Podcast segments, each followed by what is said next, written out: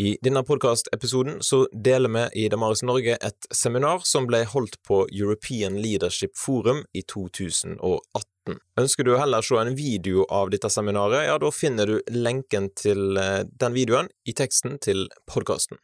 Seminaret er produsert av Forum of Christian Leaders og gjengis med tillatelse. Between family and peers. Between standing out and belonging. Who am I? It's a period of transition. Uh, in current research on tweens, this ambiguity is the trademark of tweens. Moving between irresponsible and responsible, between dependent and autonomous. I just want to say that it's uh, the, the, the title or the, um, the name tween, it may, may suggest that they are just waiting for something. They are finished and now there's nothing and then there's something coming. Between means in the middle of.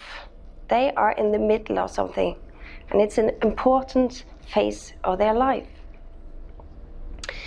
Um, tweens are developing, developing they are changing mentally and physically and emotionally, socially, spiritually. We know that uh, statistics shows that many tweens decide on their faith for the rest of their life. Before they are 13, they make these important decisions and they last the rest of their lives. It's so much harder to turn them over to um, uh, to show them otherwise when they are 18, when they are 25, because they have already decided. Um, they are transitioning because the nuclear family or family in general have less influence on them. They experience their new freedom. They are media saturated, we have already mentioned that, and they reflect on big questions they are starting to see that the world is more than just me, my family, my friends. There are things outside. How is this affecting me? They are drawn to the spiritual, but they may not be religious. Uh, they may define it as I believe that there is something out there more than we can see. Uh, Andy Crouch at the Barna Group says that when previous generations confronted the perplexing challenges of parenting and family life, they could fall back on wisdom or um, old wives' tales that had been handed down for generations. But the pace of technolo no, technological change has surpassed anyone's capacity to develop enough wisdom to handle it.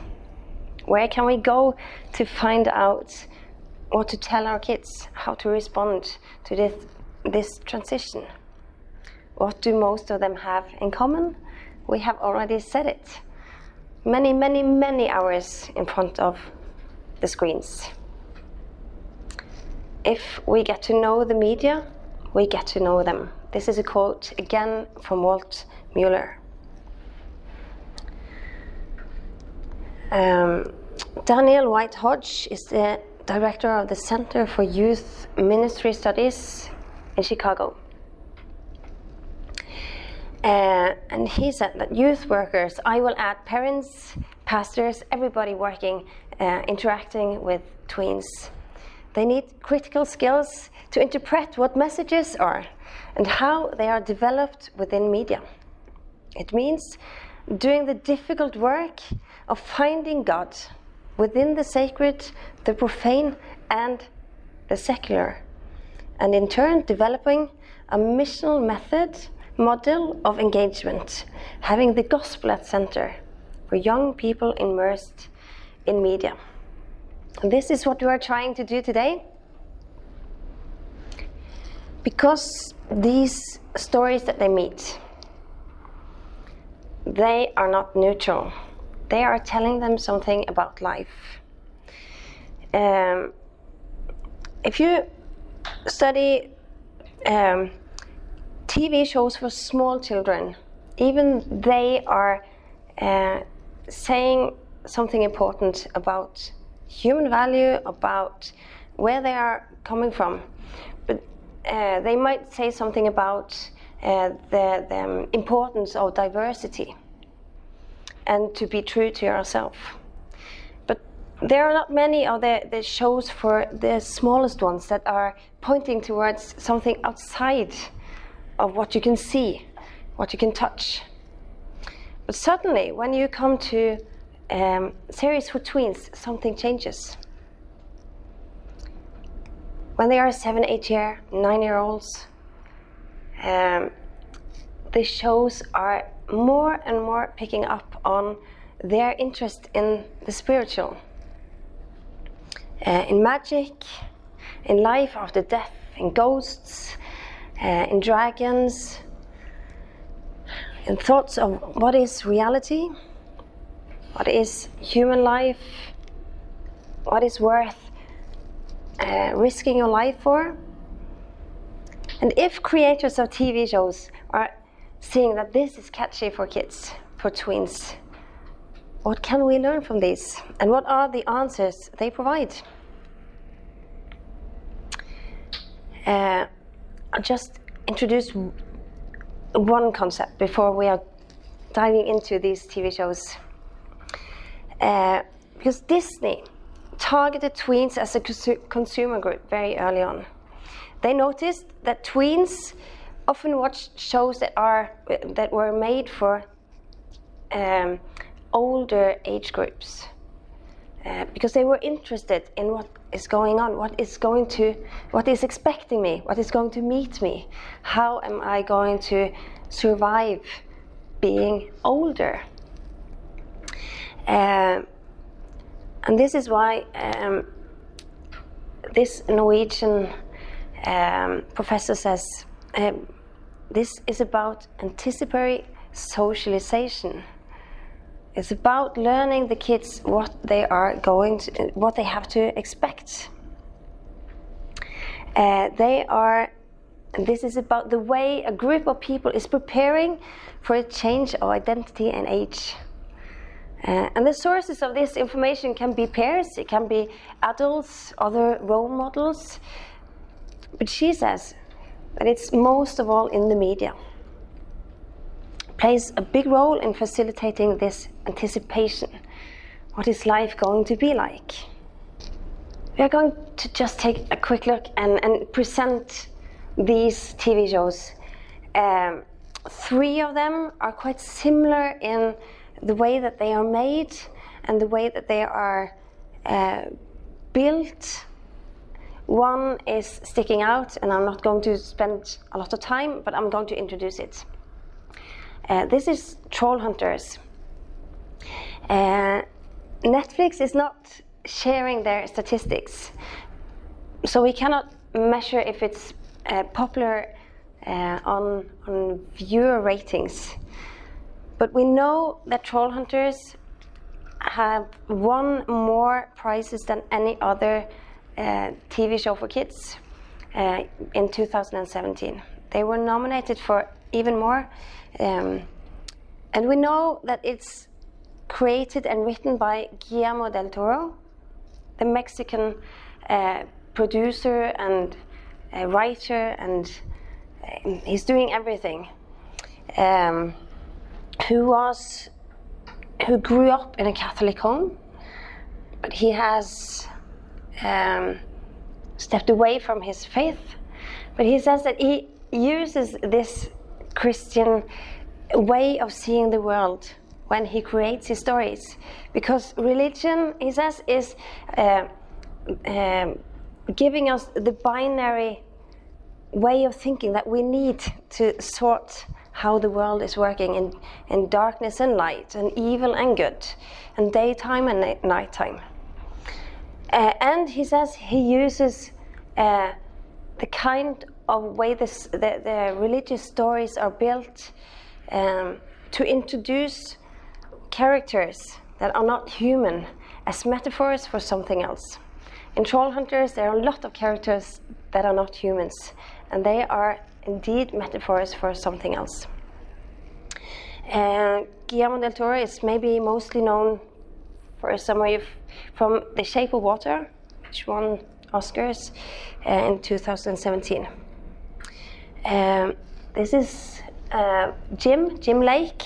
He is voiced by the late Anton Yelchin. He died tragi tragically.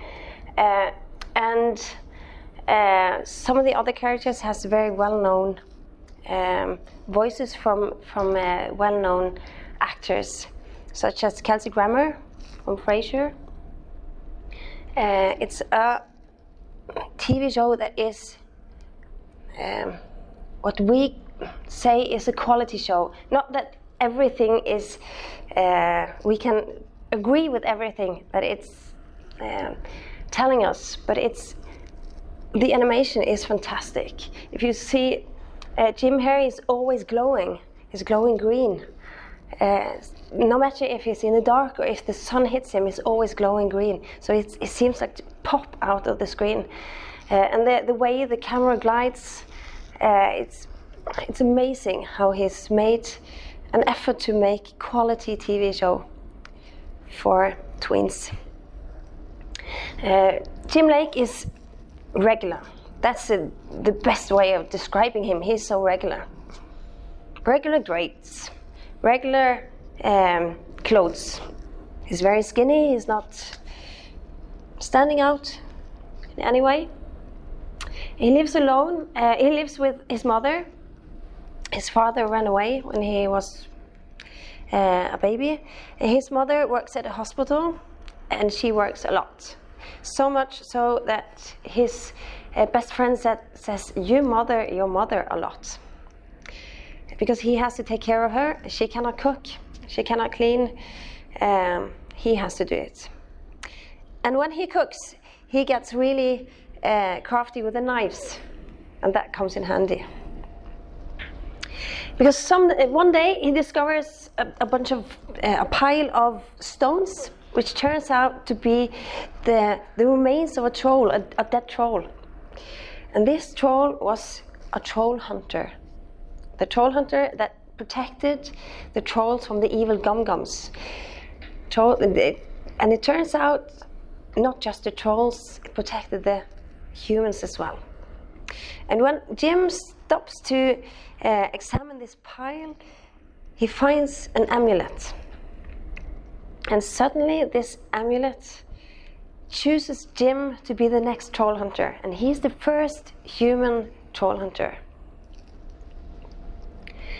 Um, because it turns out that there are life in the sewers and in the mountains and in the dark spaces of this small town of Arcadia. Uh, a life that no man has known before. They might have noticed something, but they didn't know what, what it was. And this amulet that he receives, it gives him supernatural powers and a magical suit. Uh, and he has support from his loyal friends. He has some friends in the real world that knows Jim's double life. Um, a couple of trolls takes on training him. They have no choice because without the troll hunter, it's over. So they have to trust a 15 year old skinny boy with their lives. He's not prepared at all. Can he do it? And it, it is of um, utmost importance that Jim and his friends does not real, reveal the secret of, um, of the troll world to other humans. That means that Jim is, is drawn between his calling um, to save the trolls and save the world and loyalty towards his mother. He has to lie to his mo- mother. And that's hard because he loves her. He has to balance being a hero and a normal high school student. Uh, and the series was nominated for nine Daytime Emmy Awards last year. The Worst Witch uh, is based on the books, a series of books by Jill Murphy. The first one was published in 1974. Uh, and it tells the story of witch in training, Mildred Hubble. Uh, again, a regular girl, living alone with her mother.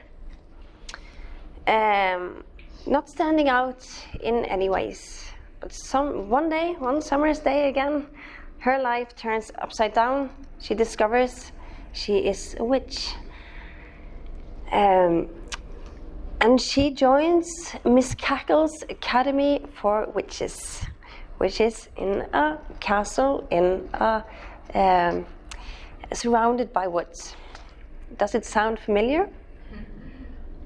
Uh, unfortunately, she has a tendency to be very clumsy, so she ruins everything. Her her training and she she creates disasters everywhere she goes. Uh, and that annoys her teacher, Miss Hardbroom. And that, of course, it always ends well, but it leads to her doubting herself, her own ability, and even her own identity as a witch. Uh, but she frequently surprises herself with great achievements.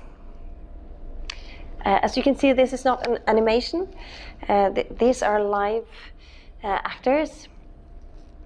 And this uh, collaboration between CBBC and Netflix and German ZDF uh, is one of the most expensive productions they have made for kids. Um, there's one scene where her hair grows uncon uncontrollably, and they have actually sewn together 800 wigs to make it um, seem like uh, her hair is growing. The special effects are designed by the Doctor Who team. Um, it's it's impressive, and uh, with a school in a castle, it seems like Hogwarts. Uh, and some people said it was a, a rip-off of Harry Potter, but this was written 20 years before, so it might be. Uh, but it's it's a lighter version of Harry Potter. It's uh, um, there's not much of the, interaction between girls and boys, and it's not so scary. Uh, it's not much of them. You, you, can see the dark forces, but not as in Harry Potter.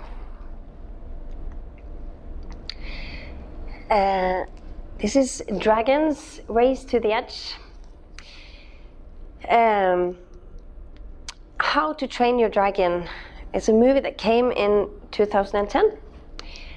Uh, and they transformed it into a, a, TV show after the movie. Uh, so now there's six seasons, and they are all uh, placed between How to Train Your Dragon, Dragon 1 and 2, which came in 2014. Uh, so they have tried to, to get all of the action when he's growing uh, from the, the experiences in the first movie until the second one. The first one, the, the two first aired on Cartoon. Uh, then was it was moved to Netflix, and this last season came uh, February this year. It's American, um, and uh, in the first movie we meet a mythical Viking world where this Viking teenager, Hiccup, aspires to follow his tribe's tradition of becoming a dragon slayer. slayer. You have to kill a dragon uh, to, to be accepted, accepted as an adult. But when he finds this uh, first dragon, finally, he doesn't want to kill it. Um, and he sacrifices his chance of gaining the tribe's acceptance and befriends he befriends the dragon instead. Uh, and these this TV show it follows this movie because they are starting a, an academy um, for a dragon training academy. Since now dragons and humans are friends, you have to learn how to control them and find out what their powers are and how you can, can use them. Uh, and they are the, the Hiccup and Toothless, his dragon, and the others are put to the test when um, they discover new worlds that is harsher than the, the ones they knew, and new enemies, uh, which are looking for every reason to destroy the harmony between Vikings and dragons, and they are not able to be controlled. These are the three TV shows we are going to look at. I have worked quite a bit with this one. It's mentioned in the outline, but it differs in so many ways. This is Winx.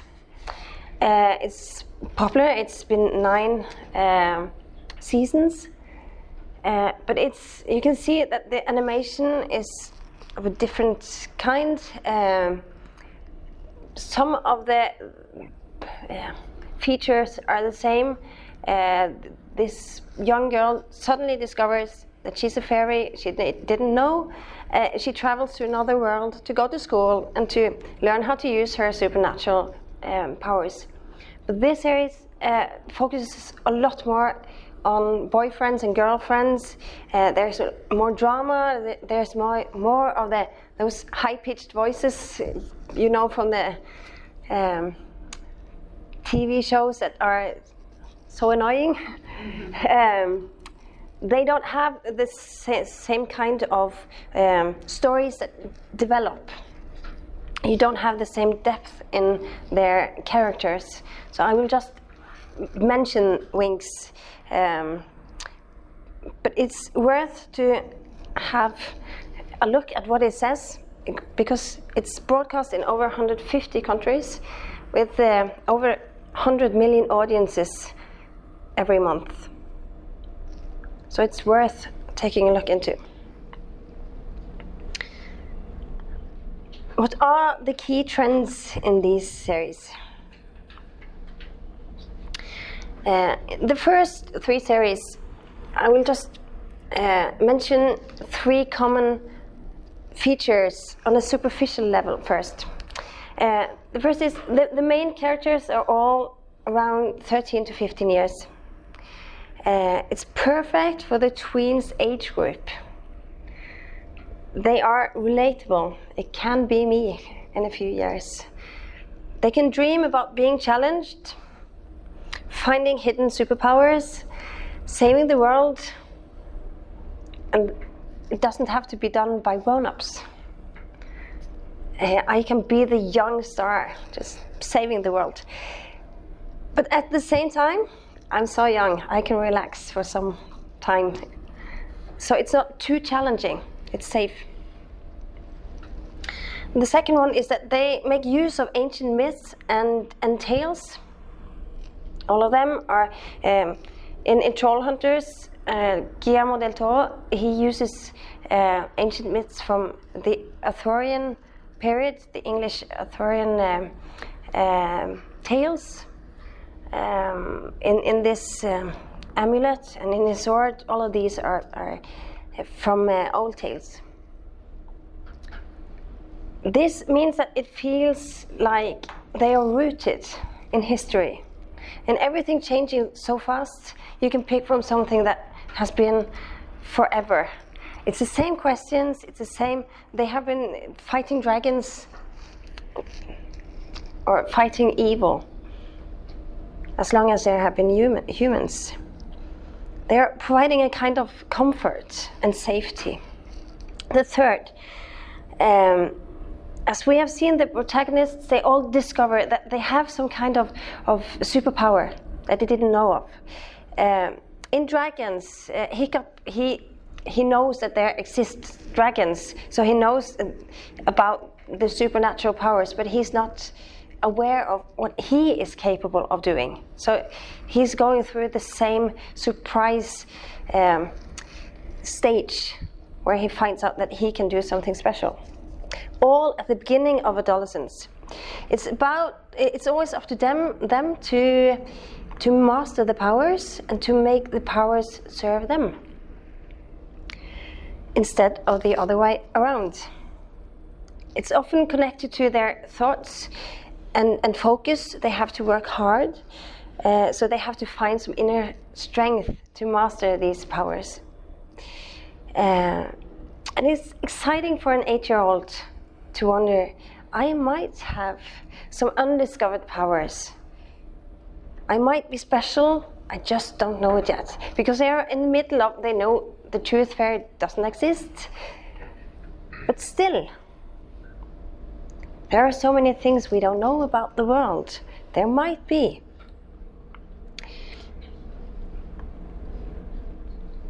Uh, in the outline, I have mentioned four key trends, and I'm going to go through them. Career driven and success oriented. It's um, a phrase from uh, Barna Group's depiction of Generation Z.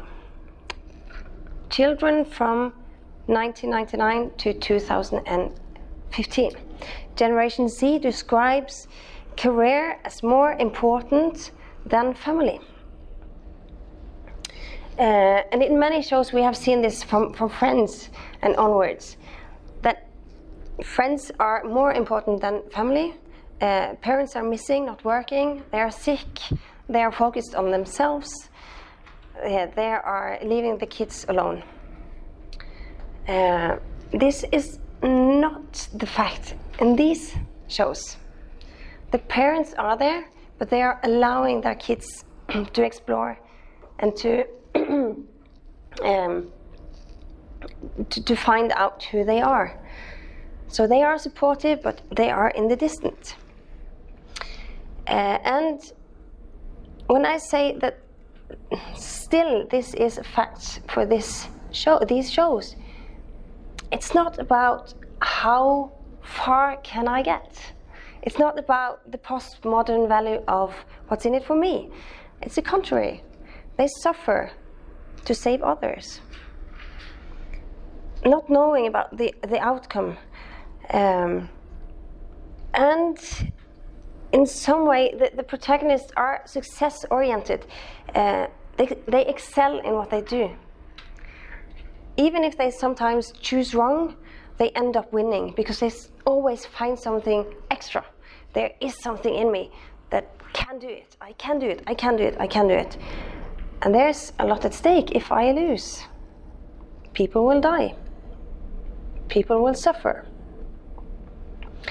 Uh, and you can see that it's, it's connected to their feeling of self worth. Uh, just look at Jim's attitude. Look at his eyes here. Uh, his fighting mode. He's timid, he's tiny, um, he's. Uh, he's kind of afraid in the beginning, but when he gets his suit on, he's, he finds his real identity. Uh, he finds his self worth. I can do this. Um, if you remember Pablo Martinez yesterday, he said um, that God created us with three needs hope, work, and relationships. This first point talks to everyone's need to work, to accomplish, to matter. What does that mean for those of us talking to tweens? The second one, uh, fighting for a better world. The protagonists could all have used their powers for their own good, for their own gain. But they are not, I said earlier, they are never seen asking what's in it for me. They are asking, is it worth it? Because it, it's costing them.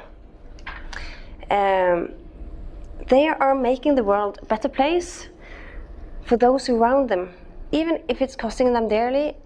And it's, it's played out as a strong value to fight for a better world and it's inspiring. And this is speaking directly to the I generation, Generation Z, who is socially conscious, maybe even more than the generations before. The problem is that they think that they are changing by sharing and liking in social media. Is this working for change? Um, just a side note Barna Group again.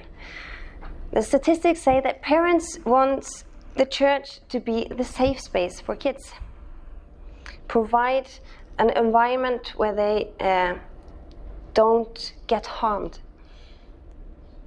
But if they need to grow, if they need to develop, can that happen in a safe space? Um, can that happen when a child is never allowed to fail or, uh, or fall? Is that healthy? Is that realistic? Uh, the research shows that struggle and doubt aren't toxic to faith, but silence and lack of trying are.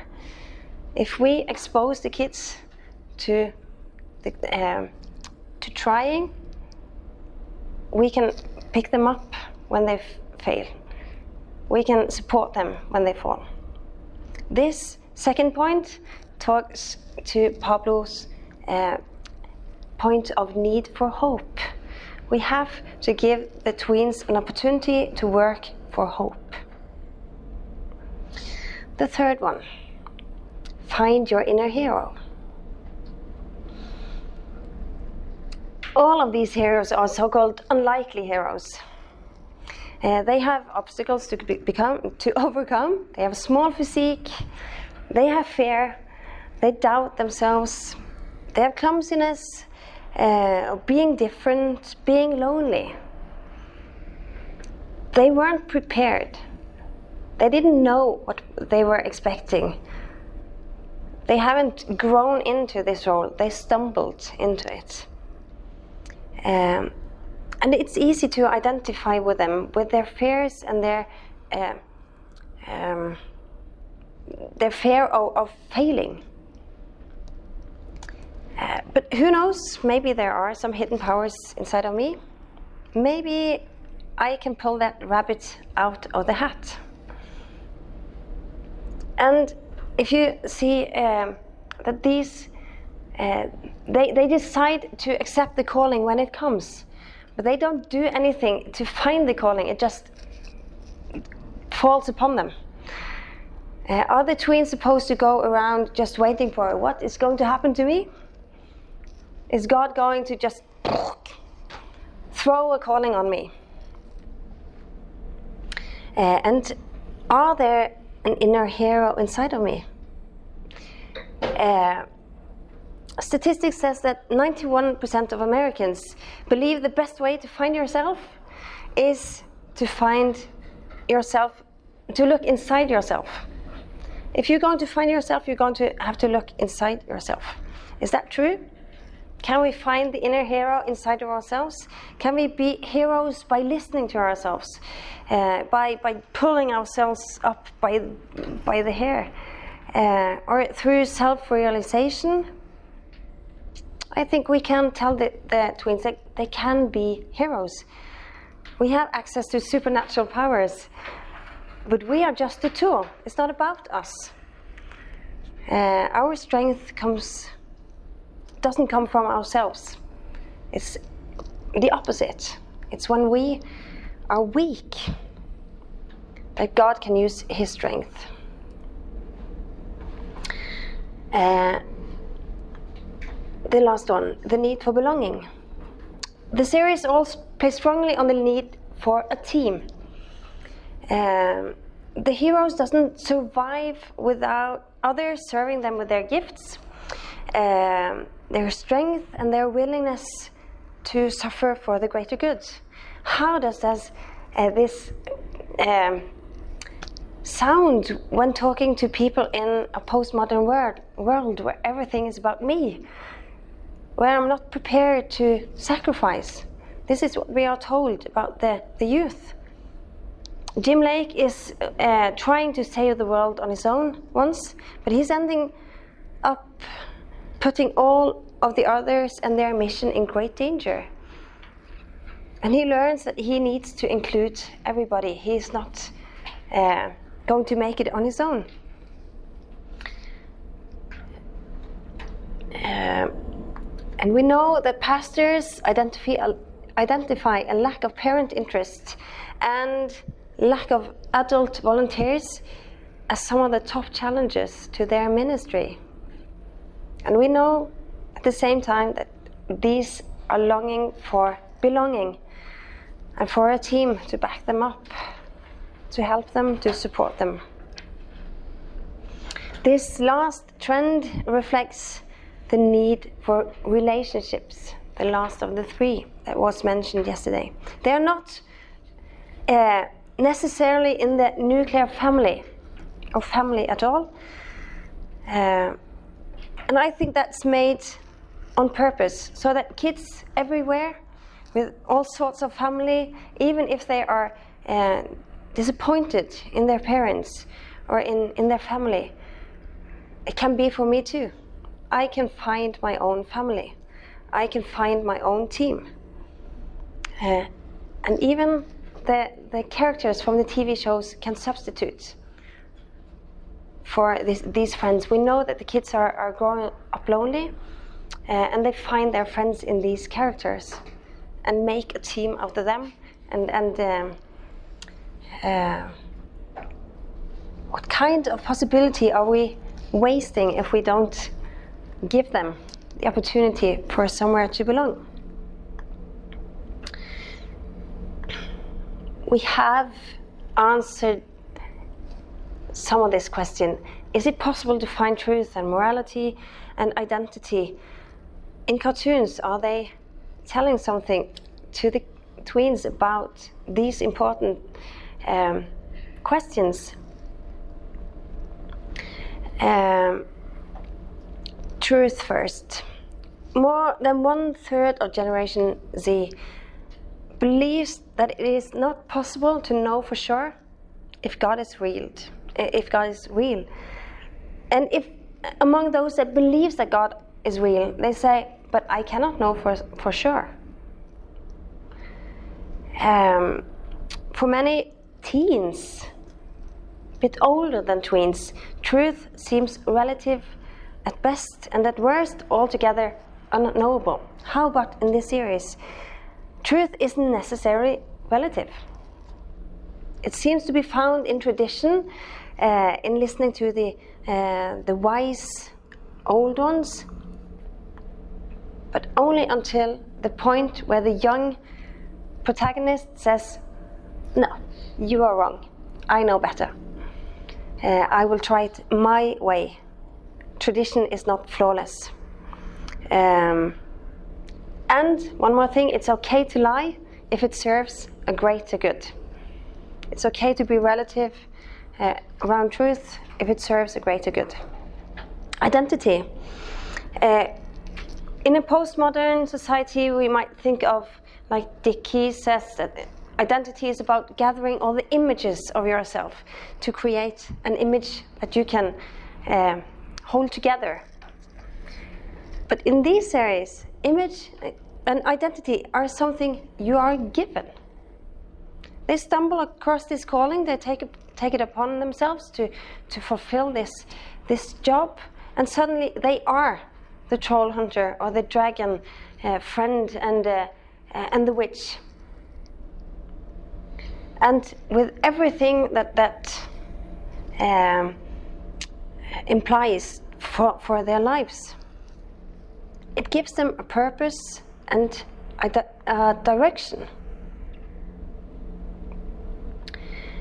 Uh, and again, we see a shift when it comes to teen shows, where it is di displayed totally different.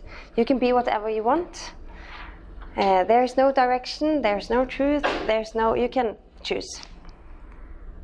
How is it that these tweens show, shows differs so much from what we see the, the older youth are watching? A small point about morality. These shows doesn't say that you have to be good. They say I want to be good because it's presented so attractive. Um, it, it's sold as a, um, um, attractive to be nice to other persons, to, to sacrifice, to suffer, um, to be a good person. It's inspiring. Uh, and these shows they gives us an opportunity to um, uh, to tell stories in a different way than if it had been uh, soap operas because the, they play on the, the features of the fairy tales. Um, we know that G.K. Chesterton has said a lot about fairy tales, and C.S. Lewis um, and Tolkien says that in his essay on, on fairy stories, he says that these are perfect to, um, to tell us about recovery. Uh, by placing the familiar or over familiar in an unfamiliar setting, we see it as it were for the first time, we see it afresh. Um, as we are or were meant to see them as things apart from ourselves. Uh, this is why these series gives us so many opportunities to talk to twins. C.S. Lewis says that sometimes fairy stories may say best what's to be said.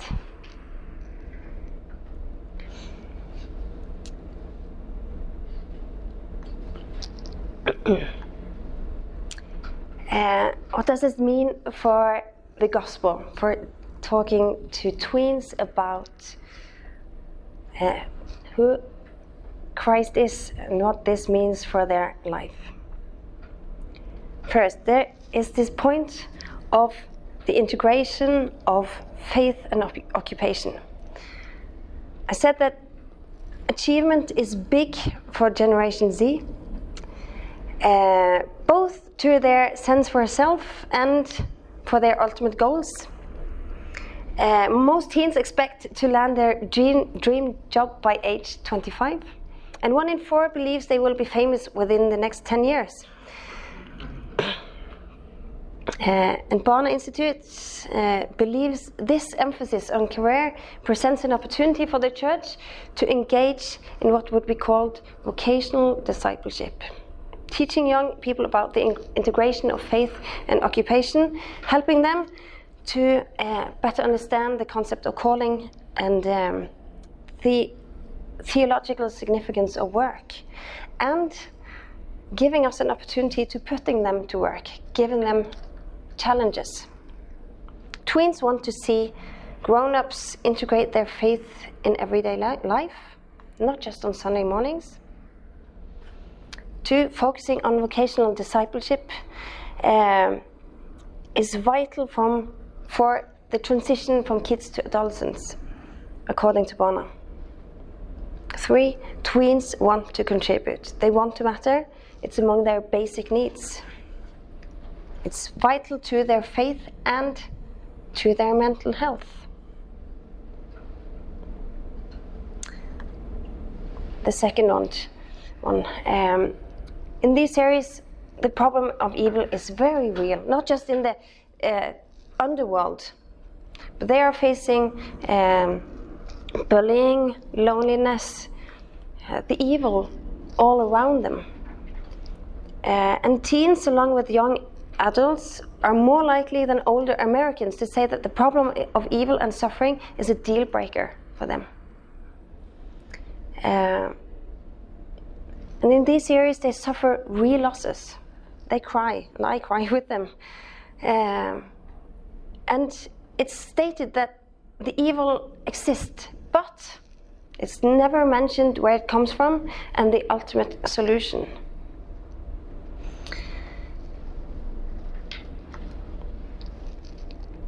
I can do anything through Him who gives me strength. Um,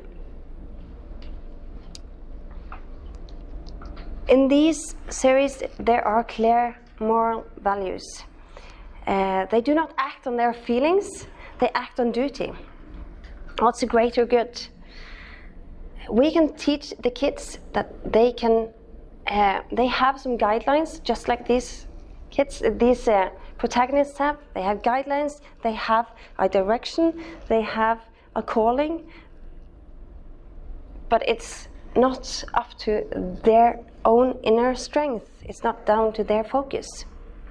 10 to 12 year olds, do you know what they fear the most? They fear failure. We can help them lift their focus from themselves to their creator. The last one.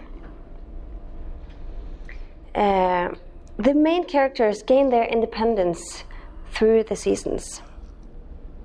Twins are in this transition period where the world opens up, but they still need stability and a home base. Uh, and these series, they praise being different, standing out. Um, it might not be easy, it might cost you. They feel lonely, they feel odd, they feel burdened. It's not glossed over, it's not. Um, it's not portrayed easy. Does that sound familiar to us? We have been given given a calling. We're not told that it's going to be easy. Um, and one of Barna's five key components to instilling in teens a faith that keeps them connected to God and His church is a meaningful mentoring relationship with at least one Christian adult who is not their parent. We have great possibilities. Summing it up, we have seen that these three stories is not taking portraying all of the postmodern characteristics. What does that tell us, tell us about twins and the gospel? One, they deserve truth. Two, they deserve that we engage. Three, they are open for the spiritual. And four, they need to be challenged. In these stories, they are taught that they can take on dragons and befriend them, or that the young girl easily defeats the wolf. This does not reflect the reality we live in, it doesn't always end well. But the fairy tale world shares the darkness of our world. Uh, yet its world powerfully pictures a place where marvelous and unbelievable things truly happen. Where good battles evil and survives to tell the tale. And this is the fairy tale gospel, a gospel that introduces us to the, to the true gospel, that our once upon a time can indeed become a happily ever after. I think that these series, I haven't given you scenes or um, um, dialogues. I have given you some oversight, what they are about, and why we should engage in these series. Uh, if you watch the first episodes in each series, you would have a lot to work on uh, talking to tweens. Uh, it's been, I have a 12 year old, a 10 year old, and a 7 year old, and it's been so fruitful talking to them. Are you watching Troll Hunters? I've seen it all already. Okay, I didn't this. Uh, one last thing. Uh, in all of this, we need to be connected to the Word. We need to uh, connect the tweens to the Word. It's not about being most relevant or being uh, uh, cool, the coolest mom. I've seen it all. I know what your world is like. Now I have all the answers. It's about how can I learn, teach them the word of the gospel. And I think in these areas there are lots of opportunities.